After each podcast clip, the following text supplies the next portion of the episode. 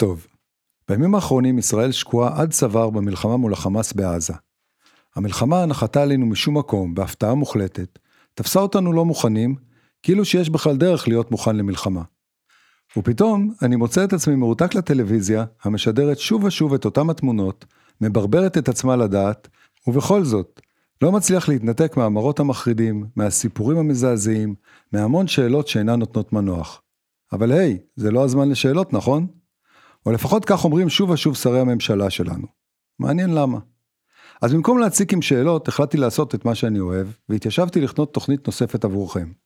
תוכנית שתעסוק בערעורים על צבא ומלחמה, ויבואו לכאן הפלסטיקים של שלום חנוך, המחזמר שיער, אלדד שרים, סטטוס קוו ועוד כל מיני. יאללה מתחילים.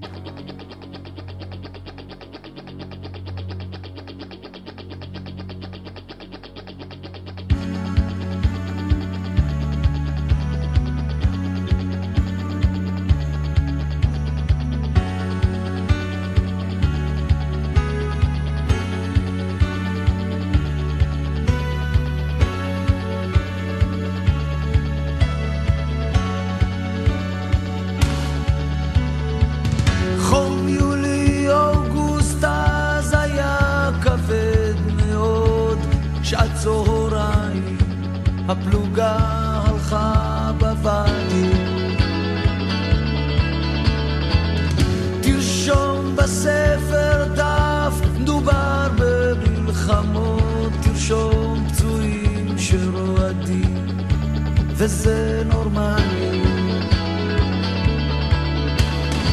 הנעורים יפים, הקיץ אינסופי, וקנין הגיע לפלוגה, אלוף קריית גת. שרף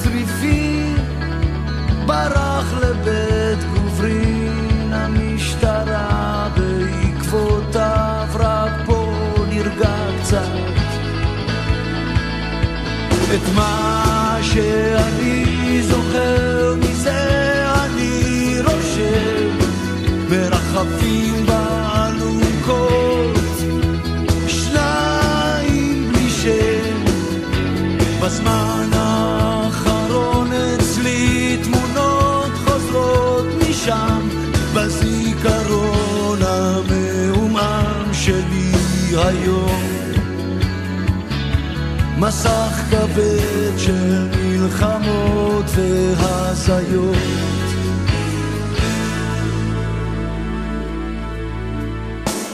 חום יולי אוגוסט אז אצטרובל אחד נושר מסוק נוחת אני שוכב לבד בשטח כשהמסוק נעלם אני פתאום רעב מת לאכול אותך בבסיס האם לנצח. אני חוזר עם פס אלייך לביתך סוגר את החדר גם אלוהים לא ייכנס פה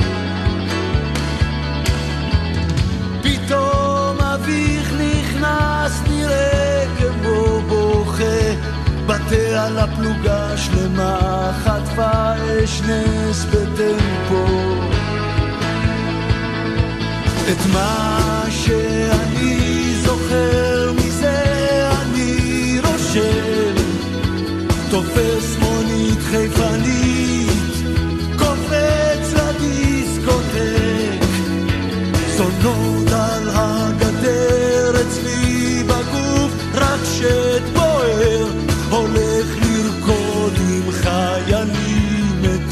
בלב תרשום, תרשום, רושם, רושם.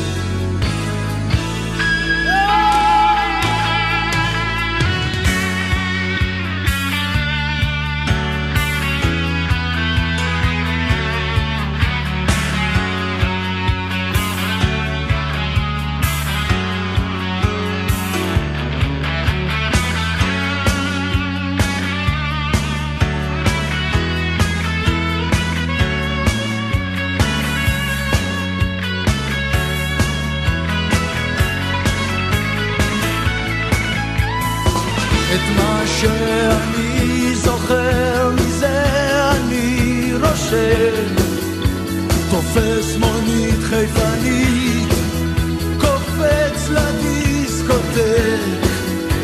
צונות על הגדר אצלי בגוף השד בוער הולך לרקוד עם חיילים מתים בלב. הולך לרקוד עם חיילים מתים בלב. הולך לרקוד עם חיילים מתים בלב. הולך לרקוד עם חיילים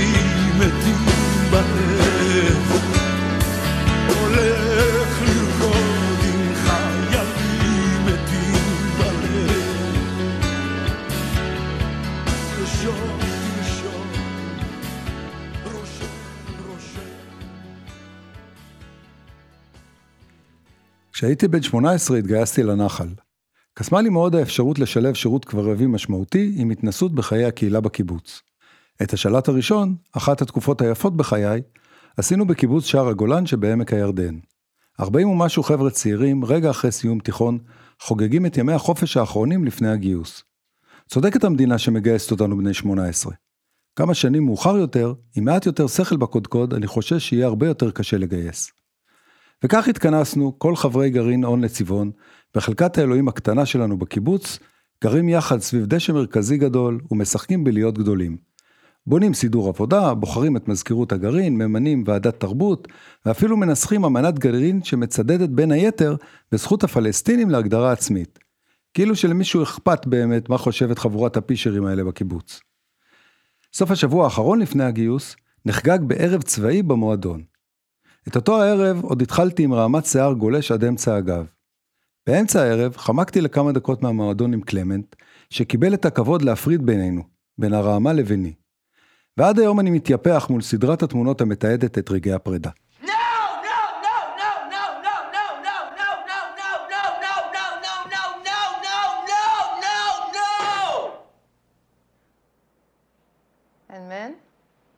Men? You have any sexual attraction towards men? You mean if I'm a homosexual or something like that? Or, Yeah? well, I wouldn't kick Mick Jagger out of my bed, but uh, I'm, I'm not a homosexual, no. Well, tell me. Can you tell me why you're so uptight about having your hair cut?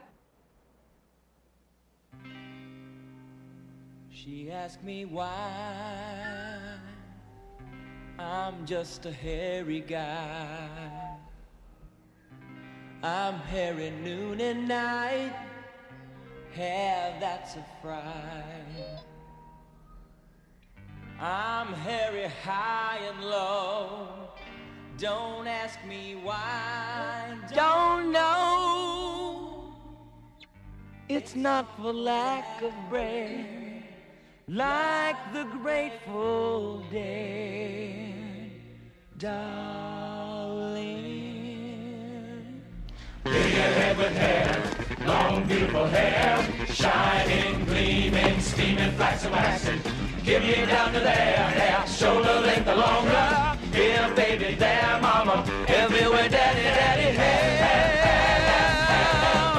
Blow it, show it, long as God can blow it, my hair. Let it fly in the breeze and get caught in the trees. Give a home to the fleas in my hair. A home for fleas, a hive for the buzzing bees, a nest for birds. There ain't no words for the beauty, the splendor, the wonder of my hair. Blow it, show it, long as God can blow it, my hair. I want it long, straight, curly, fuzzy, snaggy, shaggy, ratty, matty, oily, greasy, fleecy, shining, gleaming, steaming, flaxing, waxing. Dotted, polka dotted, twisted, faded, braided, crowded flowers and confetti, tangle, tangle, dangle, and spaghetti. Oh, say, can you see my eyes? If you can, then my hair's too short. Down to here, down to there, down to there, down to where it stops by itself. With gaga I have to go go when they see me in my toga. My toga made of blonde, brilliant chain, biblical hair. My hair like Jesus wore it. Hallelujah, I adore it. Hallelujah, married up to son. Why don't my mother love me? Hey, oh, blow it, show it, long as I can grow my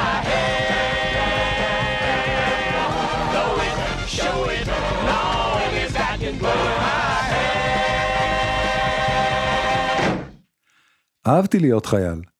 אולי היו אלה סיפורי הגבורה עליהם גדלנו, אולי המדים והנעליים האדומות, אולי הנשק התלוי בנונשלנטיות על הכתף, ואולי זה באמת העובדה שמגייסים אותנו צעירים וטיפשים. כך או אחרת הרגשתי גאווה גדולה על היותי לוחם, לצד התקווה שלא אדרש לממש את המיתוס לפיו טוב למות בעד ארצנו. ממרומי גילי המתקדם, קצת קשה להבין את רוח הנעורים הקרבית שבידרה את שערינו. היום הרוח אינה אותה הרוח, וגם שאריות הבלורית כבר אינן כבעבר.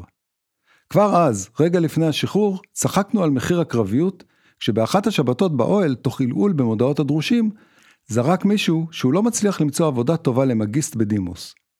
ועדיין, למרות הזיעה הקרה המכסה אותי מעצם המחשבה על הטירונות, אני לא מצטער על החוויה הנשכחת ההיא. הנה וריאציה מקוצרת על להיות קרבי שכתב שמעון עמיחי בעמוד הפייסבוק של חטיבת הנחל. אדם גדול אמר לי פעם שאף אחד לא סופר יותר מדי את הלוחמים.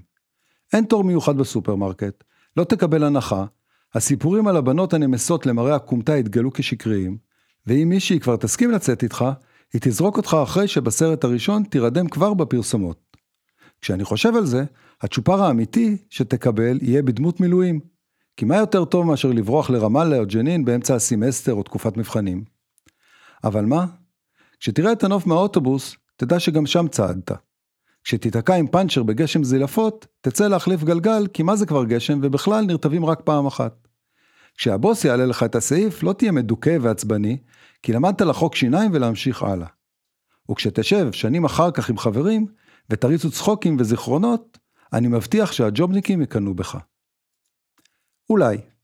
מה שבטוח שאז אהבתי להיות חייל, ובחופשות רקדנו בהתלהבות לצילי In the Army Now של סטטוס קוו, שהופיע בחיינו בתזמון מושלם עם הנשק והמדים.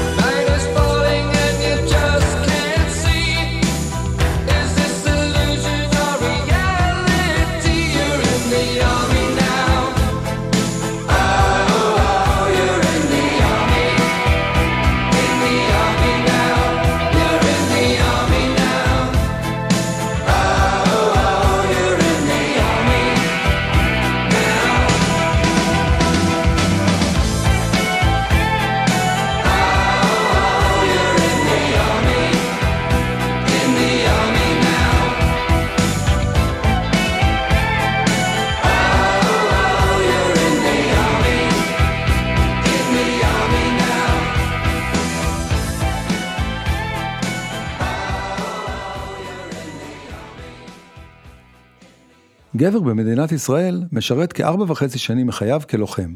שלוש שנים בסדיר ולפחות שנה וחצי נוספות במנות קטנות של כחודש בשנה בשירות מילואים. כך לפחות חשבתי, אבל מסתבר שזה לא בדיוק המצב. הפעם הראשונה שהבנתי שאני בין יחידי הסגולה המשרתים במילואים, הייתה באוניברסיטה. מעטים כמוני נאלצו להשלים הרצאות ולהיבחן במועדי ב', כתוצאה מעלייה על מדים. הפעם השנייה הייתה באותו בוקר בו הוקפצתי בצו 8. רחובות העיר התעוררו בעצלתיים באותו בוקר. הציפורים צייצו כרגיל, פה ושם עברה מכונית של נהג מפורק.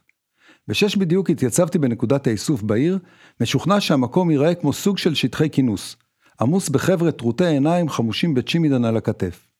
אבל לא. מלבדי עמד טרוט עיניים אחד נוסף מצידו השני של הכביש.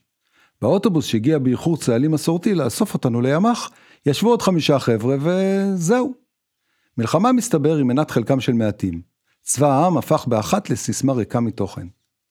ואכן על פי דיווחי צה"ל, שיעור הגיוס בקרב נשים עומד על 55.9%, בקרב הגברים שיעור הגיוס עומד על קצת פחות מ-70%. מחציתם משרתים כלוחמים. מי יודע, אולי זו הסיבה שלא היו הרבה מאוד מילואימניקים בפקולטה למדעי ההתנהגות. דוח מבקר המדינה מלמד שהסיבות העיקריות לאי גיוס הם תורתו אומנותו בקרב הגברים וסיבות דת בקרב הנשים. ומה רוצים לעשות הנבחרים שלנו? לפתור את החרדים, אלה שתורתם אומנותם, בחוק. באופן קבוע, כולל חסינות מבג"ץ. אחרי הכל, הם אלה הנהרגים באוהלה של תורה, לא? כמה אפשר לדרוש מהם? מה עוד תבקשי מאיתנו מכורה? או בקיצור, מוות לחילונים. כשהעם נקרא לתורן, אז הרב רבינו גורן, על ראשו חבש את כובע הפלדה. עם שופר ועם קפוטה, הוא מיהר אל הדקוטה, ולחם גם בסיני, גם ביהודה. עם שופר ועם קפוטה, הוא מיהר אל הדקוטה, ולחם גם בסיני, גם ביהודה. ביום ב' נשא תפילות אל המקדש על יד הכותל, ביום ג' כבר נקרא אל השפלה. לא הספיק לגמור בעזה, המכונית שלו כבר זזה לטהר את מערת המכפלה. לא הספיק לגמור בעזה, המכונית שלו כבר זזה לטהר את מערת המכפלה. ומשם מיהר רבנו אל משכן רחל אמנו, זיכרונה יגן עלינו עדי עד. לא אמר שלום עליכם, כבר קראו לו רבת לחם, כי רבנו גורן יש פה רק אחד. לא אמר שלום עליכם, כבר קראו לו רבת לחם, כי רבנו גורן יש פה רק אחד. בחצות היה צריך הוא להגיע ליריחו, להפיל את חומותיה בשופר. אך מסנטה קטרינה במברג באו להציל נא, אז הוא טס בהליקופטר אל המדבר. אך מסנטה קטרינה במברג באו להציל נא, אז הוא טס בהליקופטר אל המדבר. ואחריו בעל אופנוע במקרה צלם קולנוע שדהר אחריו באש ובשוחות וישנם אומרים שצה"ל לא המשיך לכבוש אף שעל כי הרב פשוט נפל מן הכוחות וישנם אומרים שצה"ל לא המשיך לכבוש אף שעל כי הרב פשוט נפל מן הכוחות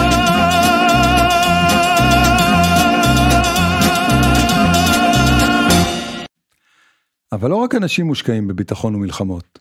בתענוג הזה מושקע גם הרבה מאוד כסף. תקציב הביטחון של מדינת ישראל עומד השנה על 64 מיליארד שקל, וזה עוד לפני שהזכרנו את הסיוע האמריקאי, שעומד על כ-14 מיליארד שקל נוספים, והתוספות שמן הסתם יגיעו בעקבות המלחמה בעזה. וזו רק טיפה בים. המכון הבינלאומי לחקר השלום בשטוקהולם מדווח כי ב-2021 ההוצאות הצבאיות העולמיות הגיעו ל-2.1 טריליון דולר. ארה"ב לבדה מוציאה מעל ל-800 מיליארד דולר על הצבא שלה, 40% מההוצאות הצבאיות בעולם, ויותר מאשר מוציאות על הביטחון תשע המדינות הבאות גם יחד. מי יודע, אולי צודק מרק טוויין שאמר שאלוהים יצר את המלחמה כדי שהאמריקאים ילמדו גיאוגרפיה. התקציב האמריקאי לטיפול בהגנת הסביבה ושינוי האקלים לעומת זאת, עומד על 9.5 מיליארד דולר בלבד. ועוד לא דיברנו על אתגרי החינוך והבריאות או הרעב. לא יעלה על הדעת שבעוד מיליוני אנשים מחכים לחיסונים, תרופות או מזון כדי להציל את חייהם, המדינות העשירות ביותר ממשיכות לתעדף את המשאבים שלהם בנשק על חשבון רווחה, אקלים, בריאות והחלמה שוויונית של אנשים. אומר שר החוץ של קוסטה ריקה, שביטלה את הצבא שלה בשנת 1949, והפנתה את התקציבים למקומות אחרים. כל רובה שיוצר, כל משחטת שהושקע, כל טיל ששוגר, מסמלים בחשבון אחרון גניבה מרעבים שאינם מקבלים מזון, מאלה הסובלים מקור ואינם מולבשים, אומר גנרל אייזנאור, מי שהיה נשיאה ה-34 של ארצות הברית. עולם החימוש אינו מבזבז רק כסף, הוא מבזבז את זיעתיו של עובדיו, גאונותם של מדעניו ותקוות ילדיו.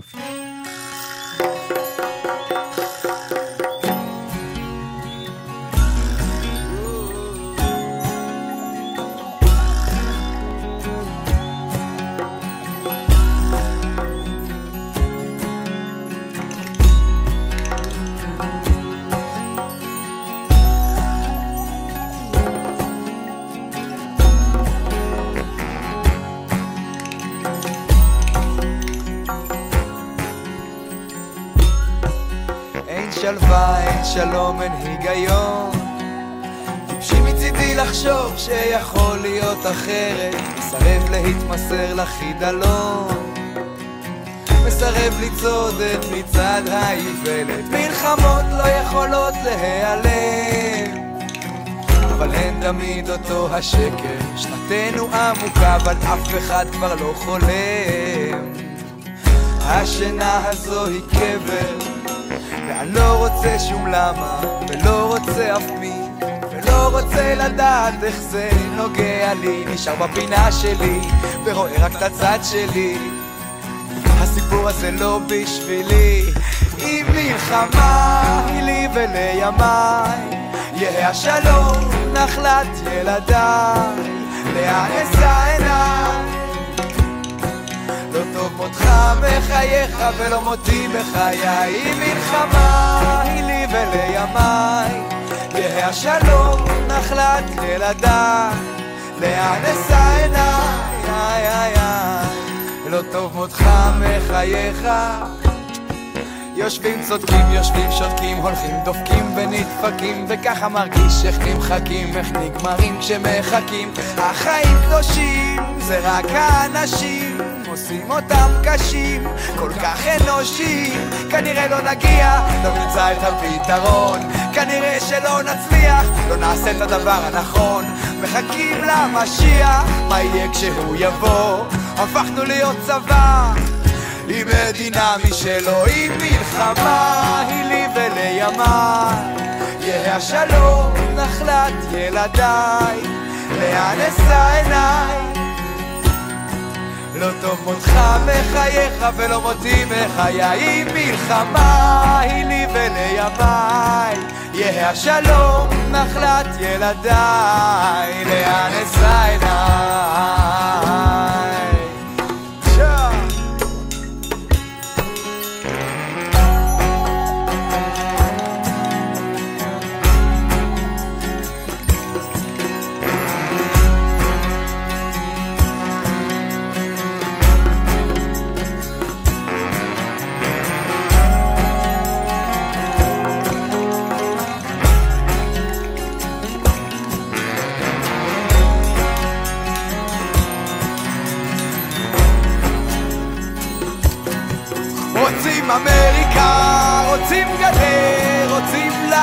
אותי, אבל זה לא מסתדר. אב קובר בן, חבר קובר חבר, אבל מי סופר? יש מקום לכולם על האדמה הזו. טיפשות היא לא תירוץ לבושה הזו. איך אפשר לחיות בתוך שנאה בועה כזו? המחלה שאין גרועה מזו, או מכאיבה כזו. ולא משנה כבר למה, לא משנה כבר מי החיים תפרו אותנו אחד לשני מה זה עושה אותך? מה זה עושה אותי? אני נשאר בפינה שלי לאי מלחמה היא לי ולימיי יהא השלום נחלת ילדיי לאן אשא עיניי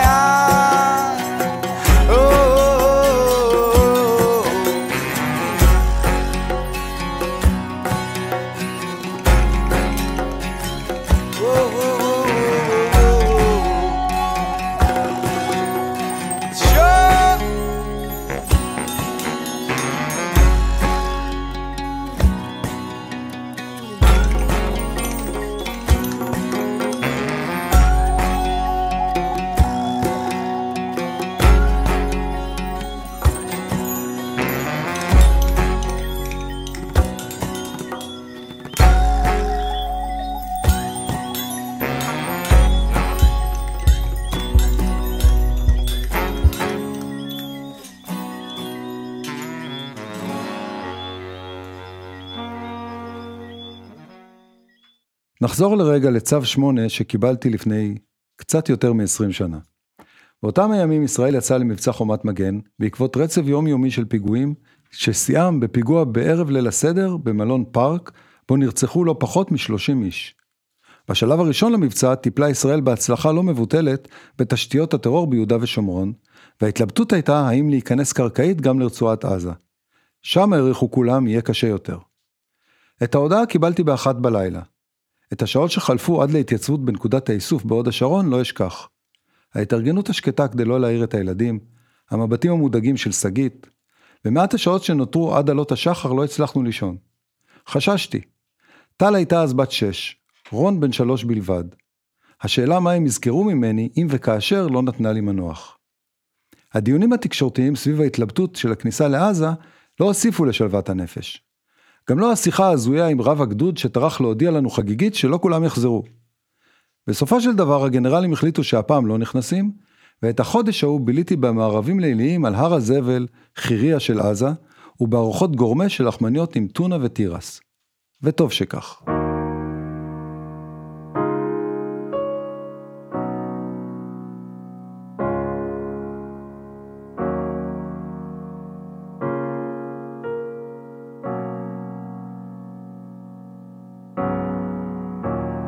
פוקח את עיניו באפלה, בלי לומר מילה. חש את חום גופה ומתקרב.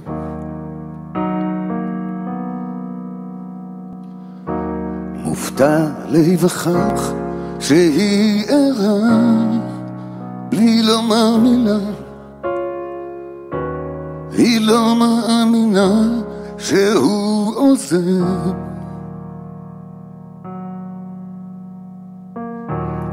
לוקח את בגדיו ומתלבש בלי לומר מילה. מביט בה וניגש ומתיישב.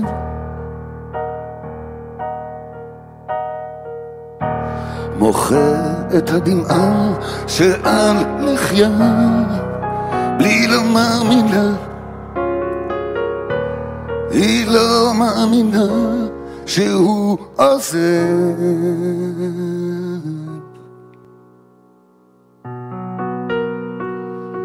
בלי לומר מילה.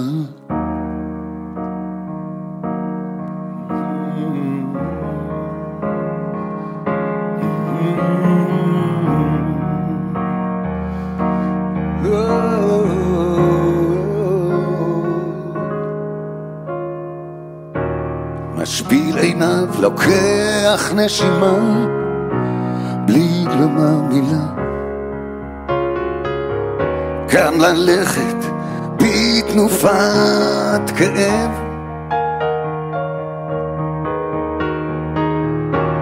והנה הוא חוזר למלחמה, בלי לומר מילה.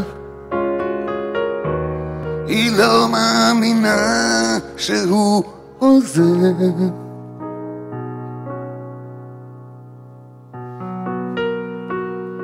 בלי לומר מילה.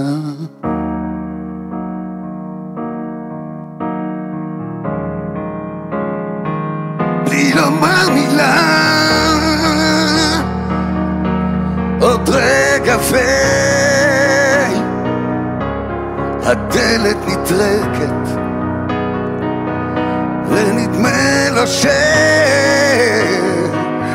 שמע אותה צועקת והסוף קשה כמו ההתחלה. והוא נוסע ונוסע בלי לומר מילה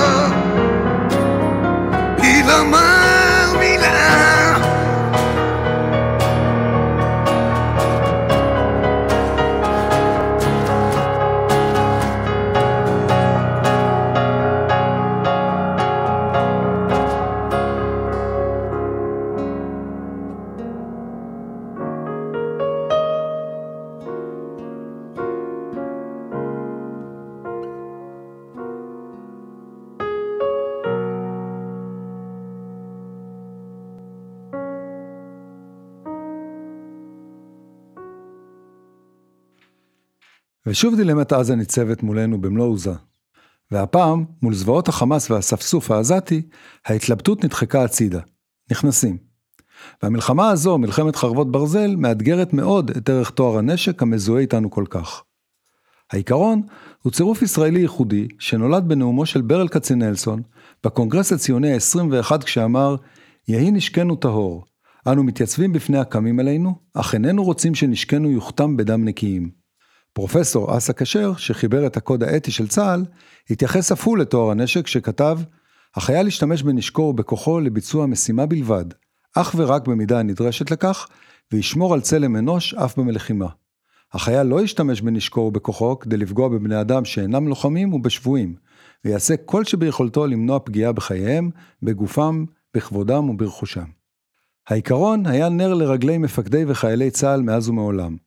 עיקרון שהביא פרקטיקות לחימה כמו הקש בגג, ושלח את אליאור עזריה לכלא לאחר שירה בדם קר במחבל פצוע אנוש ששכב על הרצפה. ובכל זאת, רבים שואלים את עצמם, נוכח מעשי הזוועה, האם למושגים כאלה בכלל יש מקום? האם נוכח ההשתוללות ושמחת ההמונים, יש בכלל בעזה אנשים הנמצאים בקטגוריה של חפים מפשע? ואולי, אולי בכלל צודק אליהו יוסיאן, המומחה לאיראן, שטוען כי ישראל היא קורבן של התפיסה המערבית ליברלית מוסרית בה היא דוגלת. שבכדי לנצח אויבים אכזריים כמו חמאס, טוען יוסיאן, חייבים להיות אכזריים יותר מהם. בכלל יש הטוענים כי טוהר הנשק הוא ממילא סוג של מכבסת מילים, ובסופו של דבר, נשק שהורג אנשים אינו יכול להיות טהור, אז אולי הגיע הזמן להיפרד מהתפיסה ההומנית הזו שלא מביאה אותנו לשום מקום. לצערי אין לי תשובות טובות לשאלות המורכבות האלה, אבל אני יודע שלא הייתי רוצה להיות חלק מעם הנוהג כפי שנהגו אנשי החמאס באותה שבת ארורה.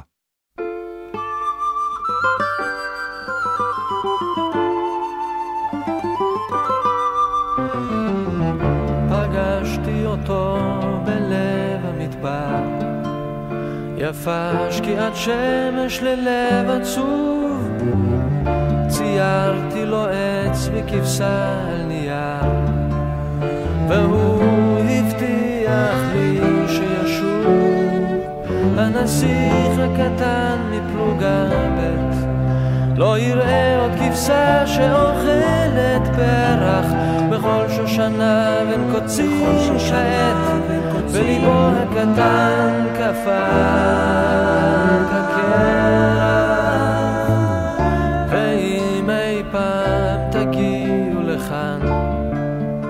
תדעו שכאן הוא חרש צנח וכל הנפילה לעולם לא נשמע.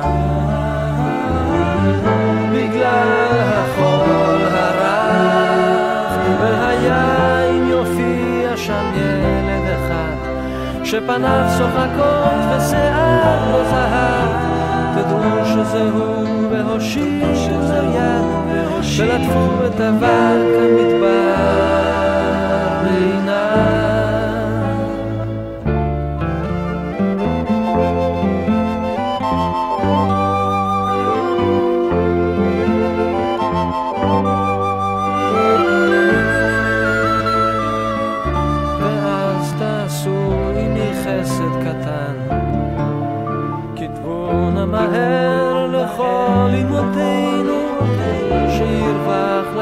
קצת ויפוג צערן. הנסיך הקטן חזר אלינו, הנסיך הקטן מפלוגה ב' לא יראה עוד כבשה שאוכלת פרח. בכל שושנה בין קוצים כעת וליבו הקטן קפא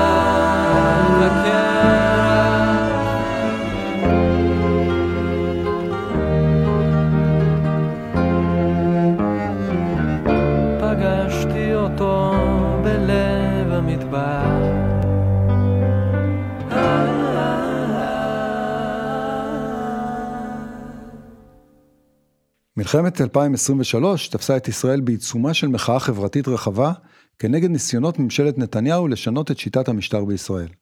שבת אחר שבת יצאו ההמונים אל הרחובות, בקריאה לממשלה לחדול ממעשה האיוולת, להזהיר מפני הסכנות הכלכליות, החברתיות והביטחוניות הכרוכות בשינוי חקיקה המוצעים, אך הממשלה אטמה אוזניים והמשיכה בשלה. יתרה מכך, חברי הכנסת והשרים הרשו לעצמם לגנות, לעלוב ולהסית כנגד המוני אנשים שהגנו לא פעם בגופם על הארץ הזאת, ויצאו להגן עליה פעם נוספת, והפעם כנגד סכנה מבפנים. ריח של מלחמת אחים, מלחמת אזרחים עמד באוויר. המלחמה הגרועה מכולן. ובאופן מפתיע, ולמרות הטרגדיה הכרוכה במלחמת אזרחים, מסתבר שהיו לא מעט כאלה בתולדות העמים, או במילים של שאולי, כל מדינה שמכבדת את עצמה, עברה מלחמת אזרחים. שלום. שלום לכם. מה שלומכם? אהלן. איך אתם? תשתו משהו, תאכלו? לא? אתם רוצים נס? היא עשתה אתמול כד? וואי, יצא ליגה, חבל על הזמן, זה מתכון מטיקטוק. נס קפה הכי טעים יום אחרי, תדעו לכם את זה. שהטעמים אה, נספחים. בדוק. לא, לא, לא, לא תודה. אה, ספרו, מה שלומכם? האמת, אה, נפלתם עלינו ביום אה, לא כל כך טוב. למה? מה, מה קרה? סיפרנו היום לכלב שלנו שהוא מאומץ. לא רצינו שישמע את זה מכלב אחר, יעני. נכון. תכלס קיבל את זה מה זה יפה, לדעתי הוא עוד לא קולט את המשמעות. הוא בחדר על שמיכה. מקופל. בואו, בואו נדבר על אה, דברים שמחים קצת. צודק לגמרי. הצבעתם היום? הצבעתי, ברור. אני בכלל עוד רשומה ברחובות אצל אימא שלי. גם הבנק שלה שם. גם הירקן. קצבי גם עושה שם. ציפורניים, ספר, הכל. גם האוטו שלה חונה שם. זה חניה מקורה, לא חרם. אפשר לשאול אה, מה הצבעת? אני בחירות אחרונות הצבעתי ליכוד, לפני זה משותפת, לפני זה ש"ס, נכון, מרץ, יהדות התורה, ולפני זה טעוניה הצבעתי. אני כבר ארבע בחירות רצוף שמתי פתק לבן, עם ציור של אה, בולבול עליו. איזה דפוק, פסלו לו את זה לא, נראה אל לי. תהיי בטוחה, אנחנו לא יודעים. אבל אמרתי לה, זהו, אני לא מצביע יותר. מבחינתי נגמר הסיפור, בחיים אני לא מצביע יותר, חלאס. תכלס התעשתם. אנחנו כבר לא עם נבחר, אנחנו עם הבוחר, יעני, לא ככה? לגמרי ככה. גם אין לי כבר מה ללבוש לקלפי, אין לי פרצוף לבוא מול הוועדה, נגמרו לי כל הלוקים תכלס. אבל מצד שני, לא להצביע זה לוותר על הזכות הדמוקרטית שלך. די, די, די עם החרטא הזאת, תעשה, על מי אנחנו עובדים? כל מי שיש לו טיפה שכל על הכתפיים יכול לראות שזה לא עוזר. זה לא עוזר. עובדה שאנחנו פה עוד בחירות ועוד בחירות ועוד בחירות, זה לא עוזר. אז מה הפתרון? רק מלחמת אזרחים. בצער אני אומר, כן? ברגשות מעורבבים. את רציני שולי? מה זה מלחמת אזרחים? אני רציני, רנה. אני, לאף אחד לא בא מלחמה עכשיו, אבל אין, אין מה לעשות. העם הזה לא נדבק. אין כימיה. לא מסתדרים. יש פה יותר מדי סוגים. תימנים, פולנים, רוסים, בולגרים, סורים, חלבי, מלבי. זה כמו סלט, זה לא טעים. תראה את השוודים. בשוודיה יש לך סוג אחד, שוודים. שוודי שמן, שוודי גבוה, שוודי חזק, שוודי פוזל, אבל שוודי. אין שוודי רומני, שוודי מרוקאי, שוודי חרדי, שוודי ערס, אין את הדברים אז האלה. אני חושבת שזה דווקא מה שכל כך יפה בעם שלנו, שזה פסיפס, אם את כל כך אוהבת פסיפס, למה לא שמת לנו בבית פסיפס? כי הלכנו על השיש גלזורה. אה, בבקשה. מה בבקשה? אין, כלום, כלום אין לעם הזה במשותף. חוץ מזה שניסו לרצוח אותנו בכל העולם, אז כולם ברחו לפה? זהו. על זה מקימים מדינה? לא. מדינה אתה מקים כי הכרת שכנים וכיף לכם, ואתם uh, מקימים ביחד עיר, ואז מקימים מחוז, נפה, בסוף מקימים מדינה. אפילו חגים כבר לא מחברים בינינו. אלה עומדים ביום כיפור, אלה באים עושים להם דף קצמים בצפירה, אלה אוכלים בט"ו בשבט פירות יבשים, אז אלה באים אוכלים להם מול הפנים פירות רטובים, הכל שנאה פה, הכל שונאים אחד את השני, אז חלאס, די. העם הזה צריך מלחמת אזרחים. כל מדינה שמכבדת את עצמה עברה מלחמת אזרחים. תראה את העם האמריקאים, שלפני המלחמת אזרחים מה היה שם? מערב פרוע, והיום הם הגיעו לירח, לכאורה. תראה איך זה קידם שם את השחורים, שהיו עבדים והיום הם ראפרים. אפילו סוריה פה לידינו, עוד רגע הם קוטפים את הפירות של המלחמת אזרחים. ורק אנחנו, העם היהודים, הדת הרשמית של התנ"ך, אנחנו משתלחים מאחור? אנחנו לעומתם יודעים להילחם. אצלנו כולם היו חיילים, כולם היו בצבא, לכולנו יש ציוד בבית, ברוך השם. אז רק לנו אין מלחמת אזרחים? חלאס, בוא נגמור עם זה, בוא נפתור את זה, די. מזרחים על אשכנזים, ימנים על שמאלנים, עשירים על עניים, חרדים על חילונים, לא אכפת לי, זה לא משנה. גם יש לנו זמן, אנחנו משולמים עד יוני ממילא. כל מי שמציג תעודת זהות, תפאדל, כנס למלחמה. חוץ מהערבים. איתכם נלחמנו מספיק וזה לא הוביל לשום מקום. אתם, אתם שבו בצד. אתם רוצים, תילחמו נגד המנצח. וזה גם לא מלחמה שצריך להכריז עליה ולצאת בהצהרות, לא. פעם הבאה שמתחילה קטטה בבריכה עם הכיסאות פלסטיק והשמשיות בראש, פשוט לא להתערב, לא לעצור את זה, לתת לזה לגדול, להתפתח. גם בטבע, ששתי זברות רבות, באה זברה שלישית מפרידה ביניהם? לא. גם לא צריך עכשיו להרוס תיקים ולנסוע למלחמה בשיירות וג'יפים ומשאיות, לא, זה פה מתחת לבית, זה מה שיפה. אתה יורד למלחמה עם טרנינג וכפכפים. יש לך גופות במעבר חצייה למטה, שקי חול בסופר, הבית ספר היסודי שלך שדה מוקשים, דם, מכות, קברי שכנים. נפתח גם את הבתי כלא שיבואו, מה אכפת לנו? יאללה, למה אנחנו מחכים? אין דבר יותר מגבש ממלחמת אזרחים. כל יום שאנחנו לא הורגים אחד את השני זה בזבוז. בטוחים שאתם לא רוצים נס? אתם לא חבר'ה. רוצים לשתות? לא תודה. לא להתבייש לי. מסתבר שהיו לא מעט אנשים שהתחילו לחשוב שאולי שאולי צודק. וכך נולדה תנועת ההפרדה שמקדמת את רעיון פיצול מדינת ישראל לשתי מדינות, שמרנית וליברלית, כך שכל פלח באוכלוסייה יוכל לחיות על פי ערכיו. ישראל ויהודה גרסת 23. ניצן עמית, שפתח עמוד פייסבוק פופולרי לקידום הנושא, מציע שתי מדינות דמוקרטיות נפרדות, עם גבול פתוח ביניהן, ולכל אחת חוקה שמתאימה לה. המטרה היא לדבריו היא לא לייצר מלחמת אחים, אלא להפך, למנוע מלחמה. הזוי, לפחות בעיניי. ובכל זאת, המחלוקות בציבור הישראלי קשות מאי פעם, גם אם מאז פרוץ הקרבות בדרום, ביחד ננצח הפך לבונטון החדש. קשה להעריך לאן תתפתח המחאה בישראל, אומר ליאור אקרמן, חוקר בכיר וראש תחום החוסן הלאומי באוניברסיטת רייכמן, ומוסיף כי הגורמים היוצרים הפיכות ומלחמות אזרחים מתקיימים בישראל של היום בצורה ברורה. בין הגורמים ניתן למנות את הפערים האידיאולוגיים, השסע בין תפיסה חילונית פלורליסטית לבין תפיסות דתיות משיחיות, האופן בו נתפסים גורמי אכיפת החוק על ידי הצדדים השונים, והפער העצום בהבנת מהות המשטר הדמוקרטי ותפקיד מוסדותיו. כל אלה, טוען אקרמן, מייצרים כבר היום מצע בשל להתפתחותה של מלחמת אזרחים בישראל. ואולי צודק המשורר הצרפתי פול ולרי, שאמר שקיומם של שכנים הוא ההגנה היחידה של עמים כנגד מלחמת אזרחים מתמדת. ואני אומר, שבכל מקרה כדאי לכולנו לזכור שבמלחמת אחים המנצח תמיד מפסיד. אני מביט בעיניך,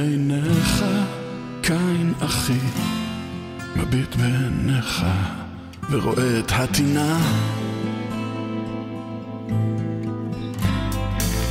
ואם תביט בעיניי, קין אחי, אם תביט בעיניי, אז תראה את האימה.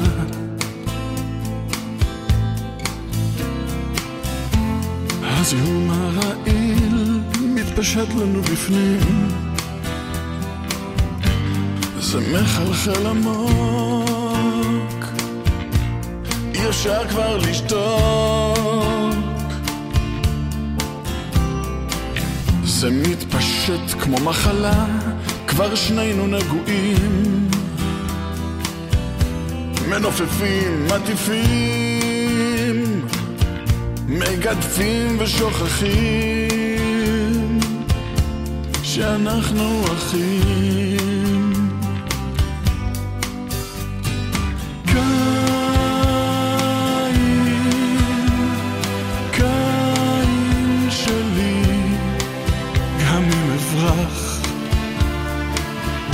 אתה אצלי בפנים עמוק כל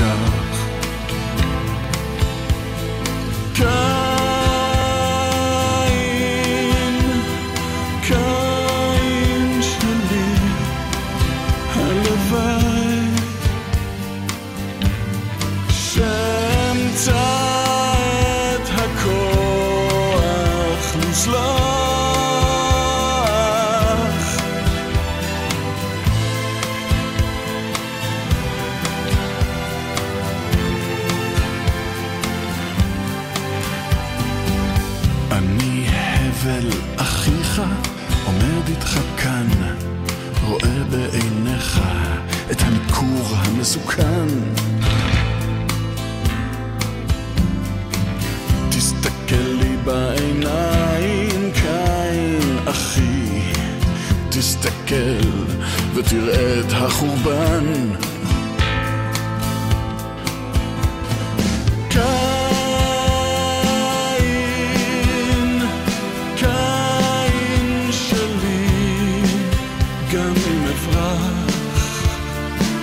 אתה אצלי בפנים עמוק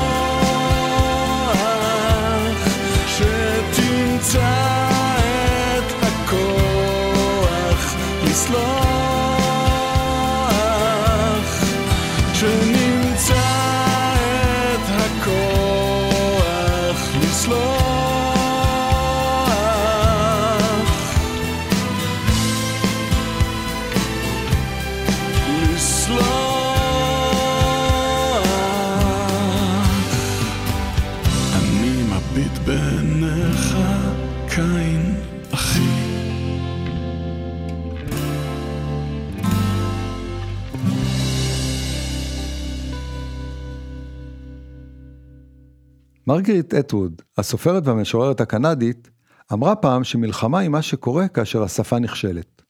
ונדמה שגם השפה העברית מרמזת לכך. המילה אלימות נגזרת מהשורש א' ל' מ', אלם. במילים אחרות, כשאדם מתקשה לבטא את עצמו, כשהוא לא מסוגל למצוא את המילים הנכונות, כשהוא חווה תסכול כתוצאה מאלם, הוא פונה לשפת האלימות. דוקטור בנימין עוזמי, עובד סוציאלי והמנהל האקדמי של בית איזי שפירא, טוען שאלימות ואילמות קשורות זו בזו. אילמות במובן של אנשים שלא יודעים לתרגם את תחושותיהם למילים, ומשתמשים באלימות במקום לדבר.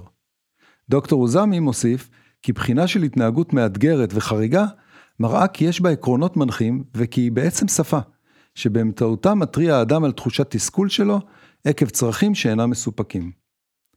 ההיסטוריון נוח הררי, ההוא שכתב את רב המכר ההיסטוריה של האנושות, טוען כי במשך אלפי שנים התמודדה האנושות עם שלושה אתגרים מרכזיים, רעב, מגפות ומלחמות.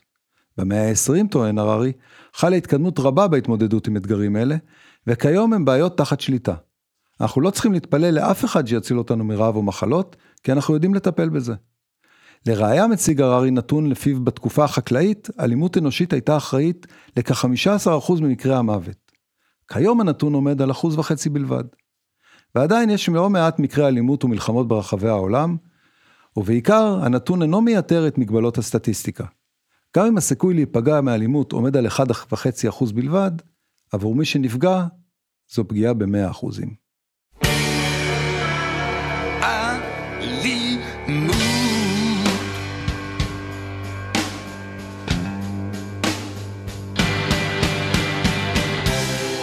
מרוב מלחמות אתה לא זוכר? מרוב קורבנות אתה לא סופר.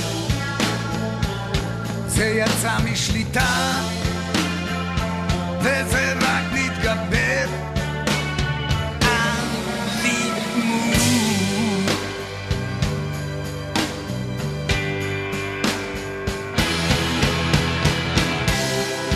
זאת השפה שאתה מדבר. לא ברור לי במה אתה מתפאר. האם אוזניך שומעות מה שפיך אומר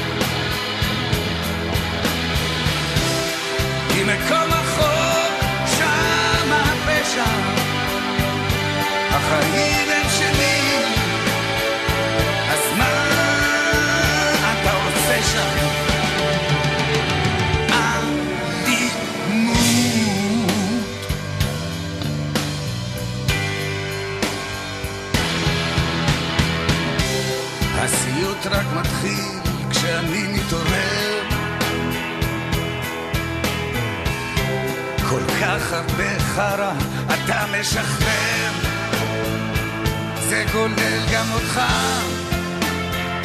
אדוני השוטר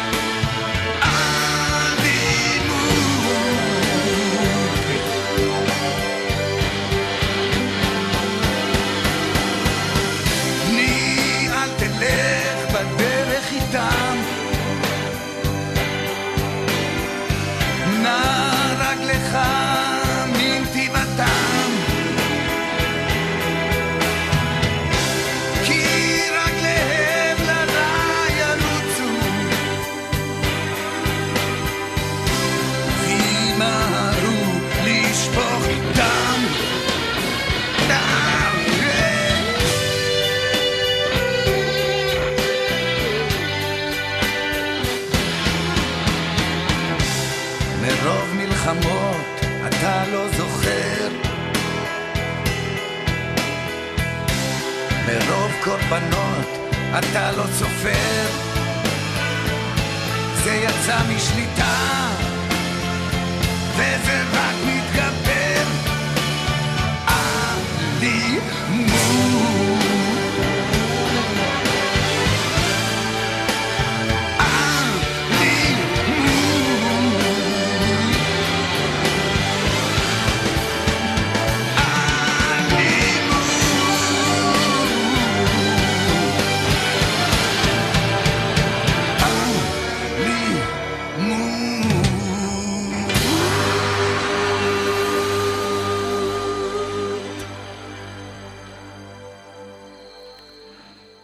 את המילים הבאות כתב חנוך לוין במחזה קטשופ שהוא עלה לראשונה ב-69. פעם גם אנחנו אמרנו, עוד מלחמה אחת. עוד מלחמה אחת אמרנו, רק מלחמה אחת. הייתה מלחמה אחת, הייתה מלחמה שנייה, עוד מלחמה אחת אמרנו, רק מלחמה אחת. המלחמה האחרונה, המלחמה האחרונה, מפני שכבר לא יכולים. אז עוד מלחמה אחרונה בהחלט, ומי שימות בה ידע למה מת. ומי שיחיה בה יחיה כבר לעד, אז עוד מלחמה אחת בלבד. פעם גם אנו אמרנו, עוד מלחמה אחת. היום אנחנו יודעים לבטח, לא מלחמה אחת. לא מלחמה אחת, וגם לא שתי מלחמות. היום אנחנו יודעים לבטח, אין מלחמה אחרונה.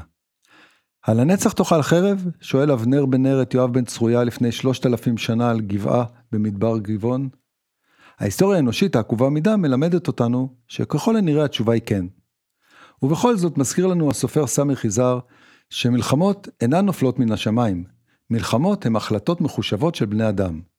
וג'ון קנדי מוסיף כי על האנושות לשים קץ למלחמה, או שהמלחמה תשים קץ לאנושות. two, one, two, three, four.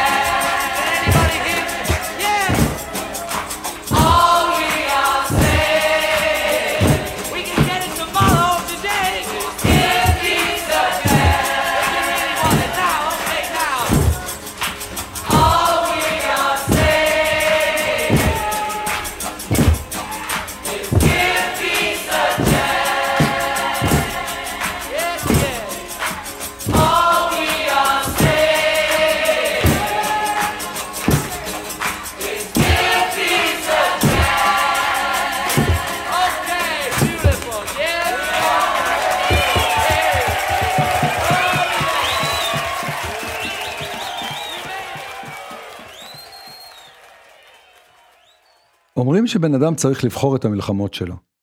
אולי זה נכון, אבל לא תמיד. לפעמים המלחמות נכפות עליך, כיחיד וכאומה. כזו היא מלחמת עזה, מלחמה שניסינו במשך שנים למנוע, והיום כולנו משלמים את המחיר. כולנו מגויסים, בחזית ובעורף, נחושים להגן על הבית, להישאר עם חופשי בארצנו. ולא בפעם הראשונה. ואם פעם האמנו באתוס לפיו טוב למות בעד ארצנו, אני מקווה שהפעם נאמץ אל ליבנו את התובנה שהוריש לנו הגנרל האמריקאי ג'ורג' פטון. מלחמה זה לא למות למען המדינה שלך. מלחמה זה לגרום לממזר השני למות בשביל שלו.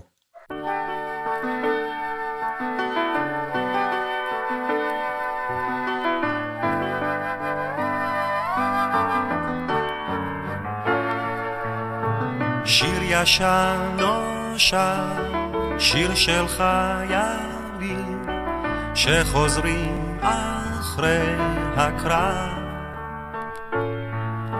שיר של אהובה מחכה לך, מישהו שר את זה קודם. זהו שיר אחרי מלחמה. הוא תמיד מזכיר לי תקווה. היא מחכה, אהובה כבר חוזר, זהו שיר שבא אחרי המלחמה. הוא כותב מכתב, היא עונה שלושה, ככה זה הולך תמיד.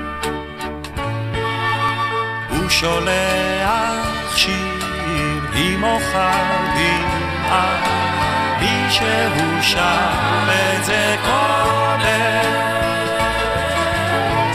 שיר אחרי מלחמה. הוא תמיד מזכיר לי תקווה. היא מחכה, אהובה כבר חוזר, זהו שיר שבא אחרי המלחמה.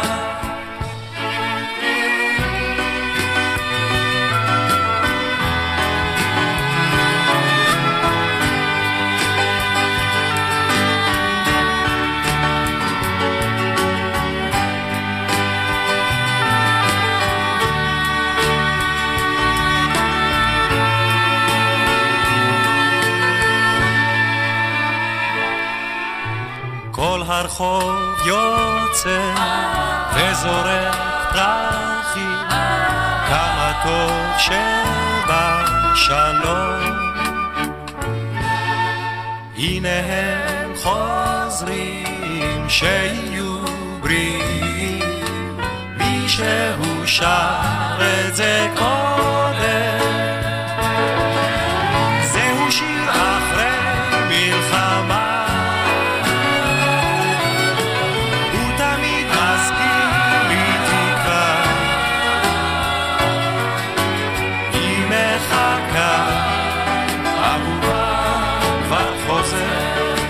שיר שבא אחרי המלחמה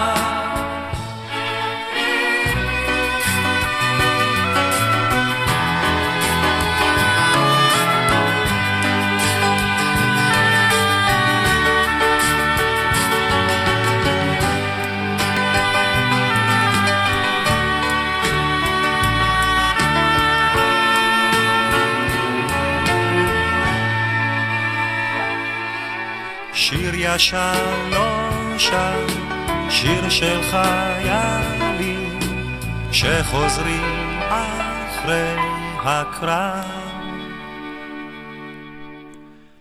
ועם התקווה לימים של אחרי מלחמה, אנו נפרדים משעה אחת שכולה צבא ומלחמה. בשבוע הבא יבוא לכאן שימי קדוש עם מלא פלסטיקים מגניבים כרגיל. פיתחו יומנים ונקבע לנו דייט לשבוע הבא, בדיוק באותו היום ובאותה השעה, חמישי בעשר. נתקהל כאן כל הקומץ, כאן ברדיו האינטימי שלנו, רדיו התחנה, לעוד שעה במנהרה. תשתדלו להגיע כדי שיהיה לנו לפחות מניין. תודה למיקי שטיינר וליונתן גל שהם הטכנאים, העורכים, הסאונדמנים והמפיקים, או בקיצור, הם הם רדיו התחנה. תודה לרמי יוסיפוב, הטפיקסאי מבנימינה שמארח אותי באולפנו המשוכלל. תודה מיוחדת לשימי שאפשר לי להגג מעט בין השירים, ותודה לכם שהאזנתם. מי שלא הספיק יכול לשמוע אותנו בדף הפייסבוק של רדיו התחנה, או בפודקאסט של התוכנית שקישור אליו יעלה כרגיל בדף הפייסבוק הפרטי של שימי. יאללה ביי.